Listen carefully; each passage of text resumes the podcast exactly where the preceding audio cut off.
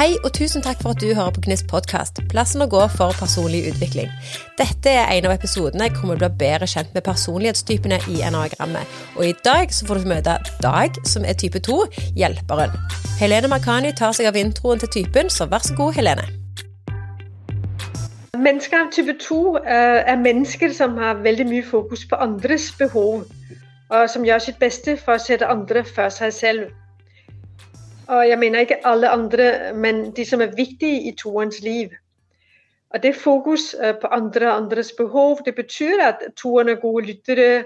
Øh, de er flinke til å huske detaljer om andre mennesker. Øh, det er f.eks. de som husker bursdager og viktige begivenheter i andres liv.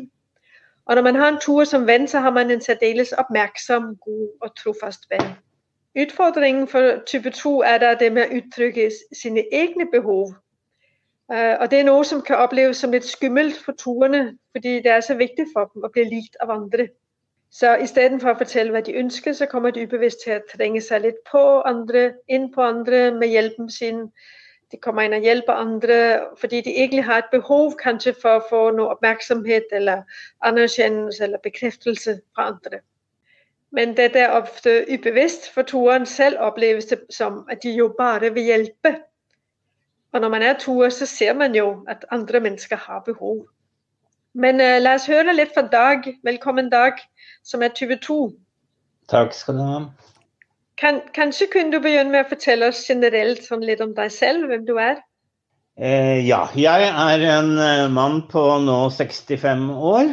Jeg er oppvokst på et gartneri i Vestfold som nummer tre av fire brødre. Eh, jeg har jobba som journalist eh, og informasjonsrådgiver og reiseleder. Jeg jobba med kommunikasjon hele livet. Eh, jeg er singel, bor med en venn og en hund, i, og jeg bor i Oslo. Og jeg driver firma for meg sjøl. Jeg driver eget, eget firma, har gjort det i 14 år. Ja, det var litt av meg. Og du er type 2. Var det lett for deg å finne enegramtypen din? Ja, altså Det begynte med at uh, han som jeg bor sammen med, da, han, han, introduserte meg for eniagrammet. Han uh, eh, flytta inn hos meg i, for, i, 2014, og da hadde jeg aldri hørt om eniagrammet. Uh, så omtrent samtidig med at jeg hørte om eniagrammet, så fikk jeg høre at jeg trolig var type 2. Så det var ikke så vanskelig. Men samtidig så kjente jeg meg ikke helt igjen i det. Eh, det er fordi det, det hjelper en Nei, er det meg? Så jeg hadde en litt, litt uh, lengre prosess med Og jeg tok jo også en test, eller jeg tok to tester egentlig, eh, for å få bekreftet hvilken type jeg var. For jeg, jeg ble litt usikker etter hvert. Det ja. gjorde det. Men hva var det, hva var det du kjente igjen? Eh, ja, det var dette med å, å, å fokusere på andres behov. Eh, mm. at jeg har veldig lett for å Jeg er opptatt av hvordan, hvordan andre mennesker har det, og det er eh, ja, Jeg har eh, mye empati og ja, altså Fokuset er rett og slett på, på, andres behov. Det kunne jeg kjenne meg veldig igjen i. At det er noe du bruker mye tid på i løpet av dagen også? Eh, ja, det er litt vanskelig å svare på. For det ligger der som et tema hele tiden. Men det er, liksom, det er jo ikke sånn at jeg gjør bevisste valg eh, om at nå skal jeg hjelpe andre. Men det, det jeg mer er opptatt av, og det som jeg liker bedre som uttrykk, det er at jeg bidrar. Jeg har alltid tenkt på meg sjøl som en person som bidrar. Både i jobbsammenheng, eh, men også ellers. Så det er et ord jeg kan identifisere meg mye mer med enn det å hjelpe. At jeg er en som bidrar, og det er liksom på den måten jeg får verdi. Gjennom at jeg bidrar i samfunnet og blant venner og i jobben og sånn. Er du også en sånn som, som jeg sa, som er flink til å huske bursdager og andre begivenheter? Altså detaljer i vennenes liv? Eh, ja. Eh, det, jeg har nok vært litt sånn ja, tidligere når man uh, drev og sendte kort og brev og sånn, at jeg kunne sende bursdagskort og tenke på det. Eh, og også har jeg ofte har jeg hatt sånne to do-lister. Eh, og da har jeg hatt liksom en sånn egen seksjon med folk jeg skal huske på å følge opp. Så liksom oppgaver og personer. Så det, kan, det sier jo litt når jeg ser, når jeg nå observerer meg sjøl og tenker tilbake på hvordan jeg har vært, da, så tenker jeg på det. Det må jo være et veldig tydelig tegn på at jeg har fokus uh, på andre mennesker og er opptatt av dem. Um, Dag, jeg burde nok hatt en sånn egen to do-liste som du har. for, å, for hva man skal gjøre for å følge opp andre. Jeg har nemlig tenkt på det. Jeg tror jeg trenger noen tips fra deg der. Men det som jeg lurte litt på, det var hvordan du har eh, brukt eh, enagrammet eh, til din personlige utvikling, og om du kanskje har noen eksempler på det? Jeg har gått på kurs hos Helene da, for å lære om enagrammet. Så altså det korte svaret er jo at jeg rett og slett har satt meg inn i, inn i enagrammet og temaene og alt som ligger der for å bli bedre kjent med meg sjøl. Men det det starta med, var jo selvobservasjon. At jeg observerte meg sjøl. Jeg begynte å tenke hvorfor sa jeg det, hvorfor skjedde det, hvorfor reagerte jeg sånn. Og, så og da tenkte jeg at det er jo et første steg for å, for å, å, å kunne gjøre noe med sin egen atferd. Men det der med altså eksempler på hva, hva Enagram har gjort for meg, så har jeg blitt flinkere til å se egne behov. Uh, og jeg har en sånn uh, regel eller en sånn alarmklokke eh, som, som, kan slå inn, eller som bør slå inn, da. og det er hvis jeg, hvis jeg, skal sette i gang med noe eller svare på noens henvendelse eller spørsmål, så kan jeg si til meg sjøl gjør jeg dette fordi det er mitt behov, eller handler det om andre personers behov. Sånn at jeg har en bevissthet rundt hvorfor jeg gjør det. Og bare det er en sånn nyttig greie, da. Ja, Det var litt kult, syns jeg. Da er du, da er du skikkelig påkobla. Eh, ja, og så er det en annen side ved det. Det er at eh, når eh, det, det er jo noe vi ikke har snakka om enda, men det at jeg som toer er veldig opptatt av å få anerkjennelse. Og ja, mye av min verdi ligger i det å få feedback fra andre. Eh, og der har jeg også jobba med meg sjøl, og, og, og, og, da ser jeg det at um, jeg eh, klarer meg veldig bra uten å få feedback hele tiden. Eh, sånn at det er også noe, noe som jeg har uh, jobba med. At jeg ser at eh, det handler ikke om, om meg når jeg ikke får den tilbakemeldingen som jeg har, hadde ønsket meg. Ja, for det er jo et, et, et tema for en yngre toer i hvert fall. ikke sant? At om man må ha tak eller en eller annen form for anerkjennelse. Ja, og det, har vært, og det har vært, jeg husker for mange år siden, altså det har vært et sånt tema som jeg har vært opptatt av og tatt opp i samtaler med andre. Og jeg husker jeg fikk en sånn aha-opplevelse når, når jeg sa at ja, men alle har det vel sånn at det er viktig for dem å få feedback. Og da var det en, en dame som drev med sånn personlig utvikling, eh, som sa at nei, det, det er ikke sånn. Eh, det er, mange, det er, mange, som klarer seg helt fint uten feedback fra andre. andre og jeg husker jeg ble så overraska. Hvordan kan det være mulig?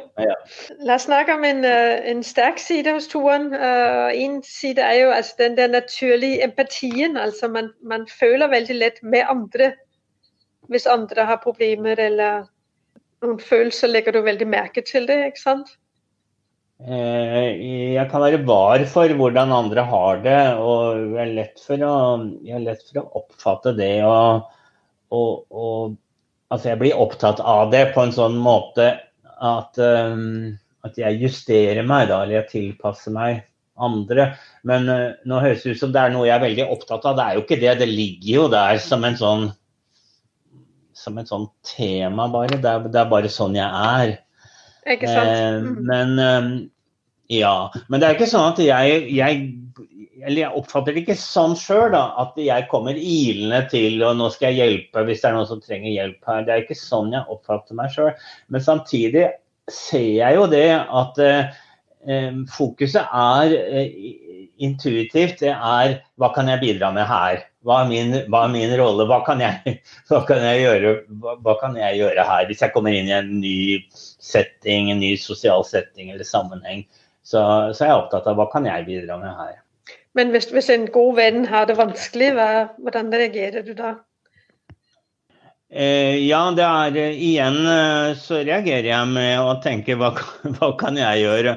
Eh, mm. men jeg, jeg snakka litt med han jeg bor med, som også kjenner til enagrammet, da, i stad. Eh, og, og, jeg må jo bare konkludere med at det ligger der. Det er, det er et sånn underliggende tema hele veien. Eh, at, at jeg tenker sånn og jeg tilbyr meg, eller jeg kommer med jeg, jeg, jeg, kan si ja, men dette her har jeg erfaring med. Eller der kjenner jeg jeg kjenner en lege som driver med det, eller en spesialist på det. Så, og, og, jeg har en kontakt der og der, så dette kan. Ikke sant? Det er, um, mm. det er noe mm. der at jeg liksom Jeg er på, jeg er på den der tilbyderen. Eh, uansett, uten å spørre den andre personen, da vil du ha noen råd, vil du ha noen tips, vil du ha noen innspill? Nei da, jeg tar det for gitt, det for gitt at, at, her kan jeg bidra med noe. Så det ligger der liksom som en sånn naturlig, naturlig reaksjon. Ja, vel, det opplever jeg som veldig typisk hos de toerne jeg kjenner. Uh, at man bidrar, som du kaller det. Mm. Hva tenker du andre sterke sider hos typen din? Det er jo det at jeg jeg har jobba mye med kommunikasjon, eller nesten bare med kommunikasjon på helt ulike måter gjennom livet. Og jeg har jo fundert litt på hvorfor det. At jeg har likt det og syns at jeg har passa til det og det har fungert. Og det tror jeg har noe å gjøre med det der empati. Eh, at eh, enten som reiseleder eller som journalist og skribent at jeg jeg kan sette meg inn i mottakerens ståsted. Da. Ehm, og det er, jo, det er jo en god side. Og så heter de toer at de er gode verter for altså, om det skal være en middagsselskap eller en tilstelning, arrangement eller noe sånt noe, så er jeg veldig sånn mm, jeg, jeg, jeg, ser eh, Hvis det er noen som blir stående alene, eller noen som ikke har noe i glass eller noe sånt noe, det, det også veldig naturlig for meg. Da. Så det er vel også en god egenskap, øh, går jeg ut fra. Mm. Ja, ikke sant. så, så, nevnte du noe i sted med at øh, du tilpasser deg. Kunne du si litt mer om det? Ja, det er også, sånn, det er også et, sånn, et sånn underliggende tema at jeg skal tilpasse meg. Men det, nok, det, det, det kommer nok veldig an på situasjonen. Også, også etter hvert som jeg har blitt mer bevisst om hvordan jeg er som person, da, hvordan min personlighet spiller inn, og kanskje hvordan jeg virker inn på andre, eh, så er jeg kanskje ikke, ikke lenger så opptatt av å tilpasse meg. Eh, men, men, så er det også det at når jeg er i en ny setting, en ny, treffer nye mennesker, så er nok mye mer sånn. Men hvis det er folk jeg kjenner, hvis det er jobb, hvis det er noe jeg vet at dette kan jeg, dette er mitt fagfelt, og jeg føler meg trygg i rollen, da, ikke, da, ikke, da tenker jeg ikke på det heller. Altså det, men igjen, da, det, det, er jo ikke ting jeg tenker på, det ligger der som en sånn ubevisst greie. Men jeg tror at jeg, jeg, jeg, kan ta plass i en forsamling eller i en gruppe, jeg kan ta en lederrolle når jeg er trygg. Eh, og da, mm. ikke sant, da handler det ikke så mye om tilpasning. Men sånn, til, i, i, begynnelsen så er det mer det. For de som ikke helt skjønner hva mener vi med tilpasning? Altså Tilpasning det er jo dette med at, at man lar andre bestemme hva er det vi skal snakke om. Man har kanskje noe å si om det, men man vil gjerne passe inn. Man vil gjerne bli likt av de andre. Så man vil gjerne på en eller annen måte ja, innrette seg på hva, hvordan gjør man her. ikke sant? Vi har jo dette uttrykk 'when in Rome'. ikke sant? Altså gjør som romene. Det er jo en tilpasning. ikke sant? Vi tilpasser oss andre kulturer. Og jeg opplever at turene er kjempeflinke til å tilpasse seg når de kommer inn blant nye folk, eller bare, eller bare med en venn. Og liksom OK, hvem er jeg sammen med nå? Og så eh, liksom tilpasse seg den kulturen man er i i det øyeblikket. Eh, ja, det stemmer jo, det kjenner jeg meg igjen i. Men sånn som jeg tenker på det nå, eh, og, og, og, svaret på det spørsmålet om hvordan jeg tilpasser meg, så tror jeg det er sånn at eh, jeg er veldig orientert mot hva de andre Jeg lar dem bestemme, og jeg tilpasser meg deres valg av tema, samtaletema og måte å være på, sånn til å begynne med. Men etter hvert som hvis jeg får en plass i en gruppe og jeg føler meg trygg i en rolle, så tror jeg ikke at jeg er så opptatt av det der. Da er det mer at jeg skal ta en plass, og da vil jeg, tenke, vil jeg tenke at nå skal jeg få lov å skinne litt, eller nå vil jeg vise at jeg kan. Og da blir jeg kanskje mer opptatt av det å få anerkjennelse og vise meg fram og den type ting.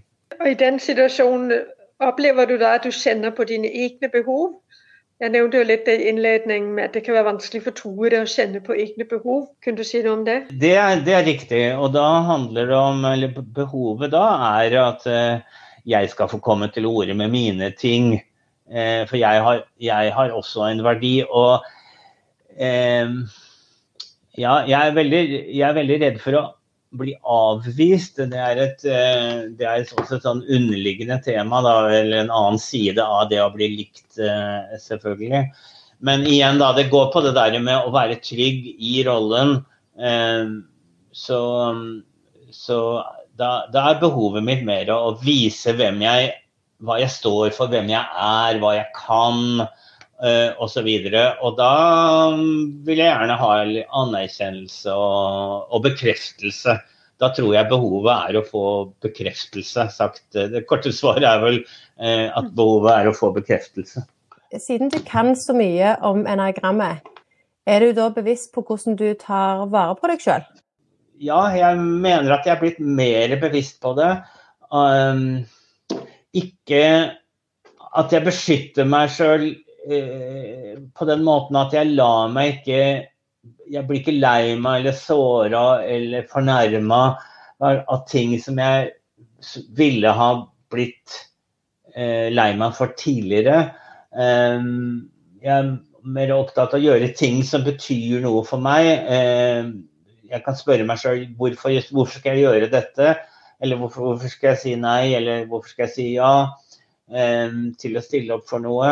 Eh, som jeg var inne på, er det mitt behov eller den andres behov?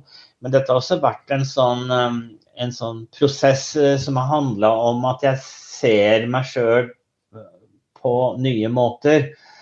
og hvordan samspillet med andre mennesker, hvordan jeg kanskje virker inn på andre. Da. Og jeg har jo hatt noen sånne aha-opplevelser gjennom dette med, med eniagrammet. Eh, F.eks. dette med å hjelpe. da, At jeg ser at oi, oi, oi, her kommer jeg, her kommer jeg brautende og, og, tar det som gitt at eh, jeg har noe å bidra med, for det har, det har jeg jo stort sett alltid. Og at en annen side av det, det er jo at jeg anerkjenner ikke den andre persons kompetanse. Mm. Kanskje hun eller han ikke overhodet vil ha noe hjelp, kanskje. Det, det, for det er jo å nedvurdere den andre personen, og at jeg, det, jeg kan virke arrogant og belærende. Og dette, disse tingene er jo så interessante. Jeg syns jeg har fått så mye ut av den type erkjennelser. da.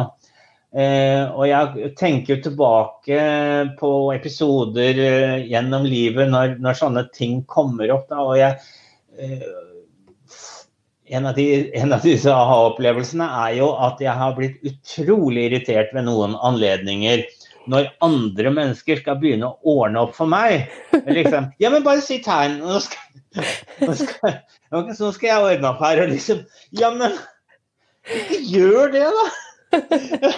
Jeg syns det kan være fryktelig slitsomt når andre skal diske opp og ordne for meg uten engang å ha spurt, eller Ikke sant? Eh, og, og, og, men det har aldri falt meg inn før de siste ja, par, par, årene, da når jeg holdt på med, med først, først, var jeg innom NLP-utdannelse hos Helene, og så Enneagram. Men først nå har det falt meg inn at dette er jo faktisk sånn jeg kan være mot andre. Det som jeg blir irritert av. Det er sykt interessant. Ja, jeg vet ikke om det var, om det var svar på spørsmålet ditt. Jeg synes det var kjempegodt svar på spørsmålet. Og så har jeg bare et lite oppfølgingsspørsmål da, i forhold til at du har den bevisstheten og dette er noe du har oppdaget. Eh, og det høres sikkert ut som et ledende spørsmål, men det er ikke ment til å være det, da. Men hva eh, eventuelle tips har du til andre toere i forhold til det gjerne å ta vare på seg sjøl, eller eh, hva det måtte gjelde? Ja, det må være det der å, å tenke gjennom eh, er det ditt behov, eller er det andres behov? Og nå kommer jeg på, Når jeg sier det, så kommer jeg på en annen ting. og det var at Til å begynne med, når dette kom opp, og denne beskrivelsen og dette som man leser og hører om toere, eh, om fokus på egne, eh, andres behov istedenfor eget behov. Når, når dette kom opp, eh, så oppdaget jeg at ordet behov det var for meg negativt ladet. Altså, det var på en måte noe jeg, noe jeg forbandt med andre mennesker. Andre mennesker, altså På et uvisst plan, selvfølgelig. Men for meg så var behov noe som var greit. Andre mennesker har behov. Men når det gjelder meg sjøl, så var det liksom ikke greit å ha behov. Hvis du skjønner hva jeg mener.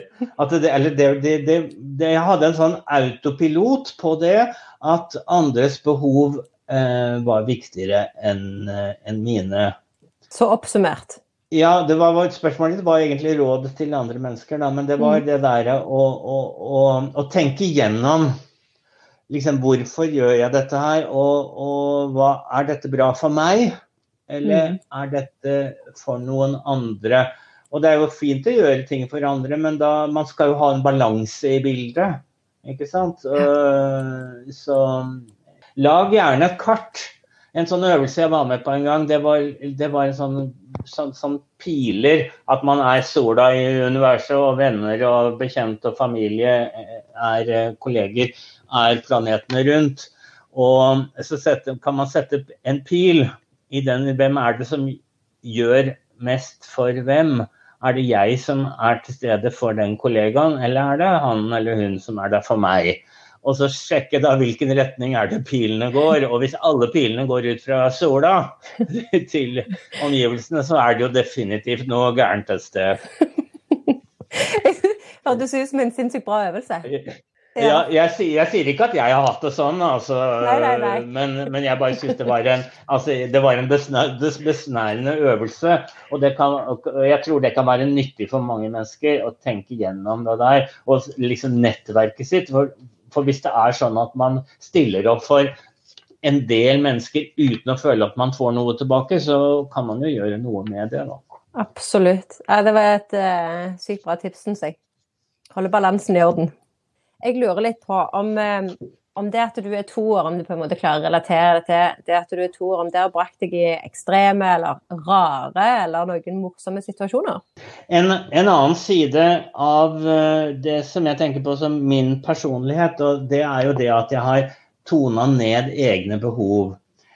Uh, og måten jeg gjør det på, eller har gjort det på, det er at jeg kommer med dulgte antydninger. Jeg kommer med hint og antydninger istedenfor å si ting i klar tekst. Mm. For jeg tenker at dette må jo den andre forstå. Eh, og, og, og, hvorfor tenker jeg sånn? Dette er jo noe ting jeg reflekterte over først nå i det siste. Da. Hvorfor tenker jeg sånn? Jo, for det er jo, det er jo ikke det er jo ikke bra å si i klartekst at her, har, dette har jeg lyst til. Eller dette vil jeg. Det, det, er egoistisk og negativt, så det kan jeg ikke si. Det er sånn, sånn, jeg har tenkt. Så i mange sammenhenger så kommer jeg med sånne små drypp og sånne hint, og så tenker jeg dette, må, dette er jo helt tydelig, og dette er jo åpenbart, og dette må de andre forstå. Men det gjør de jo ikke. Der er jo noen av oss er litt tregere på den fronten. Ja, men ikke sant. For det, fordi at, og da har jeg lest om det at hvorfor blir det sånn? Og det, jo, det er fordi at vi toere vi er gode til å lese andre mennesker ofte og har mye empati. Og vi ser de tingene hos andre. Og da tenker jeg at de må jo se det hos meg. At det er det som kan ligge bak, da. Men et sånt eksempel som er litt sånn voldsomt, da, så jeg vet ikke om det er mest komisk eller, eller, eller eller mest ekstremt, det var at jeg hadde noen venner som, som snakka om at de skulle på, de planla da noen måneder senere en ferie til Italia. Eh, og som jeg hadde så mye lyst, så lyst til å være med på. Men jeg oppfatta det sånn at det var en sånn kjærestetur, så det var ikke aktuelt. Eh, så jeg liksom kom kanskje sikkert med noen hint, men jeg sa jo aldri i klartekst om det var mulig for meg å bli med, eller at jeg hadde lyst til å være med.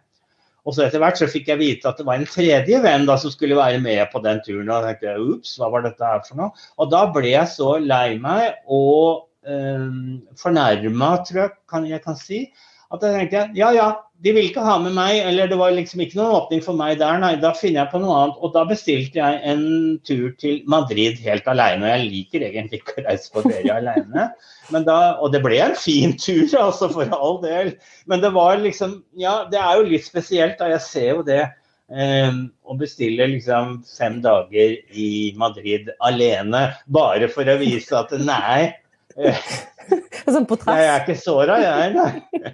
Ja, og det er liksom, dette, noe, dette, berører jo også dette med stolthet, da, som er også en sånn greie eh, for Tore. Så, og, og, og, der også en, og jeg har også sagt nei til en bryllupsinvitasjon en gang. Eh, fordi at det ikke skjedde liksom, på den riktige måten. Jeg kom liksom etter fordi at noen hadde takket nei, så ble jeg oppringt og spurte om jeg ville komme i det bryllupet. Og da fant jeg på en unnskyldning at ikke det passa. Men egentlig grunnen var at jeg var såra og jeg hadde en sånn stolthet på det at nei, kunne jo liksom invitert meg liksom i første omgang, da. Mm. Så ikke sant at det er litt sånn at det, ja, det er det er en del sånne, eller noen, det er, det er noen sånne eh, hva skal man kalle det, sammenhenger som, er, som jeg ikke syns er spesielt sympatiske, eller jeg liker veldig godt å snakke om. da. Men kan jeg spørre et lite oppfølgingsspørsmål? For det, du sa jo det at, at, eh, at, du gjerne ikke er så flink til å gi beskjed, og at du kommer med subtile hint og sånn som det. Eh, men hvordan opplever du når, når andre på en måte kommer med sånn, en annen person eh, ville jo gjerne gått og bare sagt du, får jeg være med dere? Det hørtes dødskjekt ut. Hvordan ville du opplevd det sjøl? Ja, ja. Hvordan opplever du sjøl hvis andre liker direkte eller eh, frampå, som du gjerne sjøl ikke ville vært? Jo, det er jo helt Det er, det er det som er så underlig, da. At det er jo helt greit. Det er jo mye bedre det at folk sier ting i klartekst, enn kommer med hint, hint og antydninger. Det, det, kan jo være greit med, det kan jo være greit med hint og antydninger også, men da må det jo være sånn at jeg skjønner det, da. Så, nei, det er veldig underlig det der. Men det er jo det som er liksom at jeg føler om eniagrammet at det er med på å åpne noen sånne dører. da, At jeg ser liksom hvor At dette henger jo ikke sammen. Eh, og, og, det er jo ingen grunn til å oppføre seg på, på, den måten. Men det sitter altså veldig langt inne. Sånn som i fjor hadde jeg et eksempel at jeg skulle kjøre bil til Kristiansand. Og så hadde jeg avtalt med en venninne, barndomsvenninne som bor i Arendal, at jeg skulle besøke henne. Så trengte jeg et sted å overnatte. Da, men da å spørre, så tenkte jeg mm, hun må jo skjønne det at jeg egentlig har behov for et sted å overnatte. Altså, men hun skjønte jo ikke det. Så ja, dette høres helt teit ut. Men så, så måtte jeg spørre, da. Eller jeg skrev en tekstmelding da spørre, spørre om det var uh, mulighet for å overnatte. Men så var det en del av greia at jeg skulle ha med bikkja. da og de har en katt. Så da svarte hun bare helt saklig at nei, det ble litt vanskelig pga. katten og sånn at vi hadde ikke så god plass.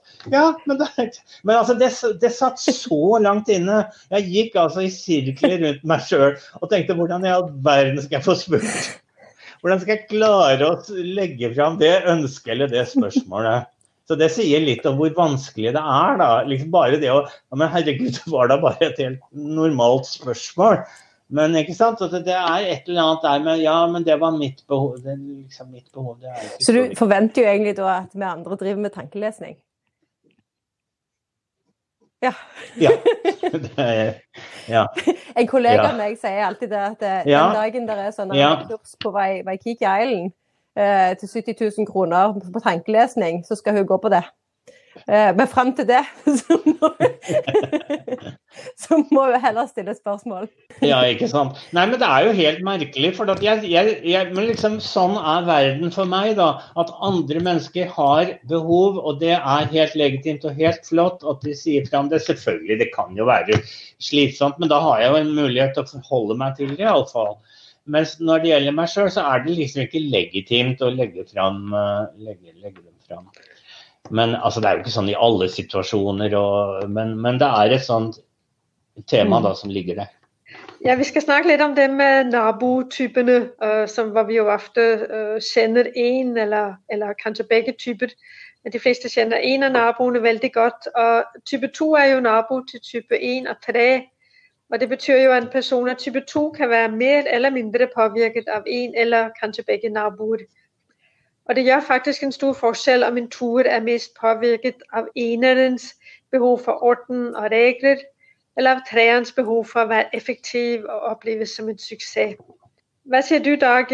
Hvordan opplever du uh, vingene eller naboene? Ja, jeg tror nok jeg er mest på treeren.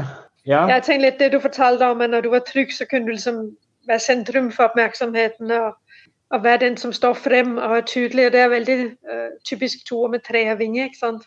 Og det sitter litt langt inne, innrømme det. For det, er liksom, det stemmer ikke helt med selvbildet. For jeg er jo, jeg er jo en som, som, er mer fokusert på andre og det, ja, det stemmer ikke helt. Men, men, virkeligheten er nok sånn, ja. At det, det, det liker jeg. Jeg vil ha anerkjennelse, og jeg vil gjerne vise vise at jeg har suksess. Men igjen da, på litt sånn subtile måter. Men det er ikke så veldig subtilt. Da, for jeg får jo høre at jeg driver med name-dropping. Hvis jeg har, hvis jeg har intervjua noen kjente personer, så legger jeg jo ikke skjul på det. Eller hvis jeg sitter og ser Dagsrevyen sammen med noen, og det dukker opp neste Å, det er henne jeg intervjua, og sånn sier jeg da. Ikke sant? Som om det har noen interesse for noen andre. Men da, ja. Um, ja. ja er Så jeg er nok eh, en del på, på treeren der, ja. Mm, mm. mm. Og så har type 2 jo forbindelse til type 4 og type 8. Det er det med strekene i enegramsymbolet som går mellom typene. Altså Mennesker av type 2 beveger seg frem og tilbake mellom egen type og trekk fra enten type 4 eller 8. Og De bevegelsene skjer jo avhengig av situasjonen. F.eks. når man blir litt presset, eller når man føler man har mye overskudd. Uh, er din forbindelse til type 4, det ser vi ofte det er trygghetspunktet for type 2. Uh, kan du si litt om når du opplever det, hvordan du opplever det? Eh, jeg tror det er sånn at jeg tar i bruk noen av firerens ressurser når jeg har flyttid. Altså noe av det jeg jobber med, det krever jo litt sånn konsentrasjon og at man at man har flyttid med det når jeg holder på med skriver artikler og, og sånt noe. Og når jeg er når jeg, når jeg, er, når jeg finner meg sjøl og har en sånn god flyt, og føler at oi, kommer det, ordene kommer bare strømmende på liksom Når jeg sitter og skriver, så går det veldig lett og nesten sånn eh, automatisk. Eh, da tenker jeg at da er det liksom, er det liksom noe sånn kunstnerisk eller halvkunstnerisk prosess som, som skjer. Og ja, jeg, jeg, jeg, vet ikke, men jeg tenker på at det kanskje har noe å gjøre med, med fireren. At jeg slipper meg løs litt. Jeg føler meg trygg, jeg slipper meg løs, og så lar jeg liksom ting komme. Og så er det forbindelsen til type 8. Kjenner du type 8 i deg selv, og, og hvordan oppleves det? Ja, det er mer tydelig. Det med fireren måtte jeg, måtte jeg tenke litt igjennom. Mens det med åtteren det er veldig tydelig, fordi at uh, der har jeg et mønster som jeg kjenner lett igjen. Og det er at når mine vanlige strategier ikke fungerer, når jeg ikke blir hørt, når jeg ikke får gjennomslag uh, og ting ikke går min vei, uh, så kommer det til et punkt hvor jeg kan bli utrolig irritert. Og da kan jeg liksom skifte gir. Og så da legger jeg inn åttergiret. Og da er det zakk, zakk, zakk, zakk, zakk. Da tar jeg styringen, og da lekser jeg opp hvordan ting skal være, og hvordan jeg vil ha ting, og hvordan ting må være. Så da, da tar jeg kontroll. Og det tror jeg vel at jeg da henter noen av ressursene fra åtteren. Det er fint. Du kjenner den godt. Da bare begynner jeg med å si før vi runder av, eh, Dag. Eh, jeg er jo, jeg er jo kanskje ørlite grann misunnelig på deg, da. For du har egentlig alle de egenskapene jeg ønsker meg. Du er, du er flink å skrive. Du er en god vert. Jeg er en elendig vert, Dag. Det er helt tragisk. Og det, det, det prøver jeg å øve meg på. Eh, og så er du god til å følge opp andre. Du har til og med en plan for oppfølging. Jeg mener det er respekt. Så, så kudos til deg på det. Så da har jeg lyst til å spørre om siste spørsmålet. Har du noen favorittbøker eller favorittbok som du kunne tenkt deg å delt da om enagrammet, hva andre òg kan ha nytte av? Ja, for den, for den, som er ny uh, i uh, eniagrammet, så kan jeg anbefale en bok som heter 'Innsikt gir utsikt'. Det er uh, en norsk bok, og den gir veldig fint overblikk og en fin innføring. Ellers har jeg også brukt en bok som heter 'The Wisdom of the Enneagram', som er et sånt fint oppslagsverk, syns jeg, som er veldig innholdsrik og, og nyttig. Ellers kan jeg jo kanskje tilføye da, at om jeg kan få tilføye at jeg, det var før at jeg hadde sånne to do-lister med eh, hvor jeg skrev om hvem som skulle følge opp og sånn. Nå, nå slapp av, så tenker jeg at dette For hvis det er personer som liksom forsvinner ut av bevisstheten, så tenker jeg at da er det meningen. Og hvis det er folk som er viktige, så husker jeg dem uansett. så bra. Stikk motsatte her, altså. Jeg trenger den ja, to-do-lista. Det blir litt sånn noen ganger. ja, men tusen takk, Dag. ja, tusen takk, Dag. Det er veldig fint at du var med. Jeg tror den viktigste takeawayen fra denne episoden er at toerne er fantastiske, omtenksomme og hjelpsomme personer, så til tross for at de ikke ser sine egne behov, virkelig har evner til å se andre. Jeg tipper at du kjenner en toer, så da oppfordrer jeg deg til å dele denne episoden med de, og kanskje de òg da kan få lov til å se hvordan de kan ta bedre vare på seg sjøl. Og hvis du fortsatt er i tvil om hva type du er, så stikk innom testen til Helene, som du finner i beskrivelsen av episoden. Og om du vil ha en plakat med en oversikt over alle typene, så ta turen til gnistparty.no, der jeg bor. I neste episode får du treffe trieren, og kalt for Utretteren. Tusen hjertelig takk for at du hørte på.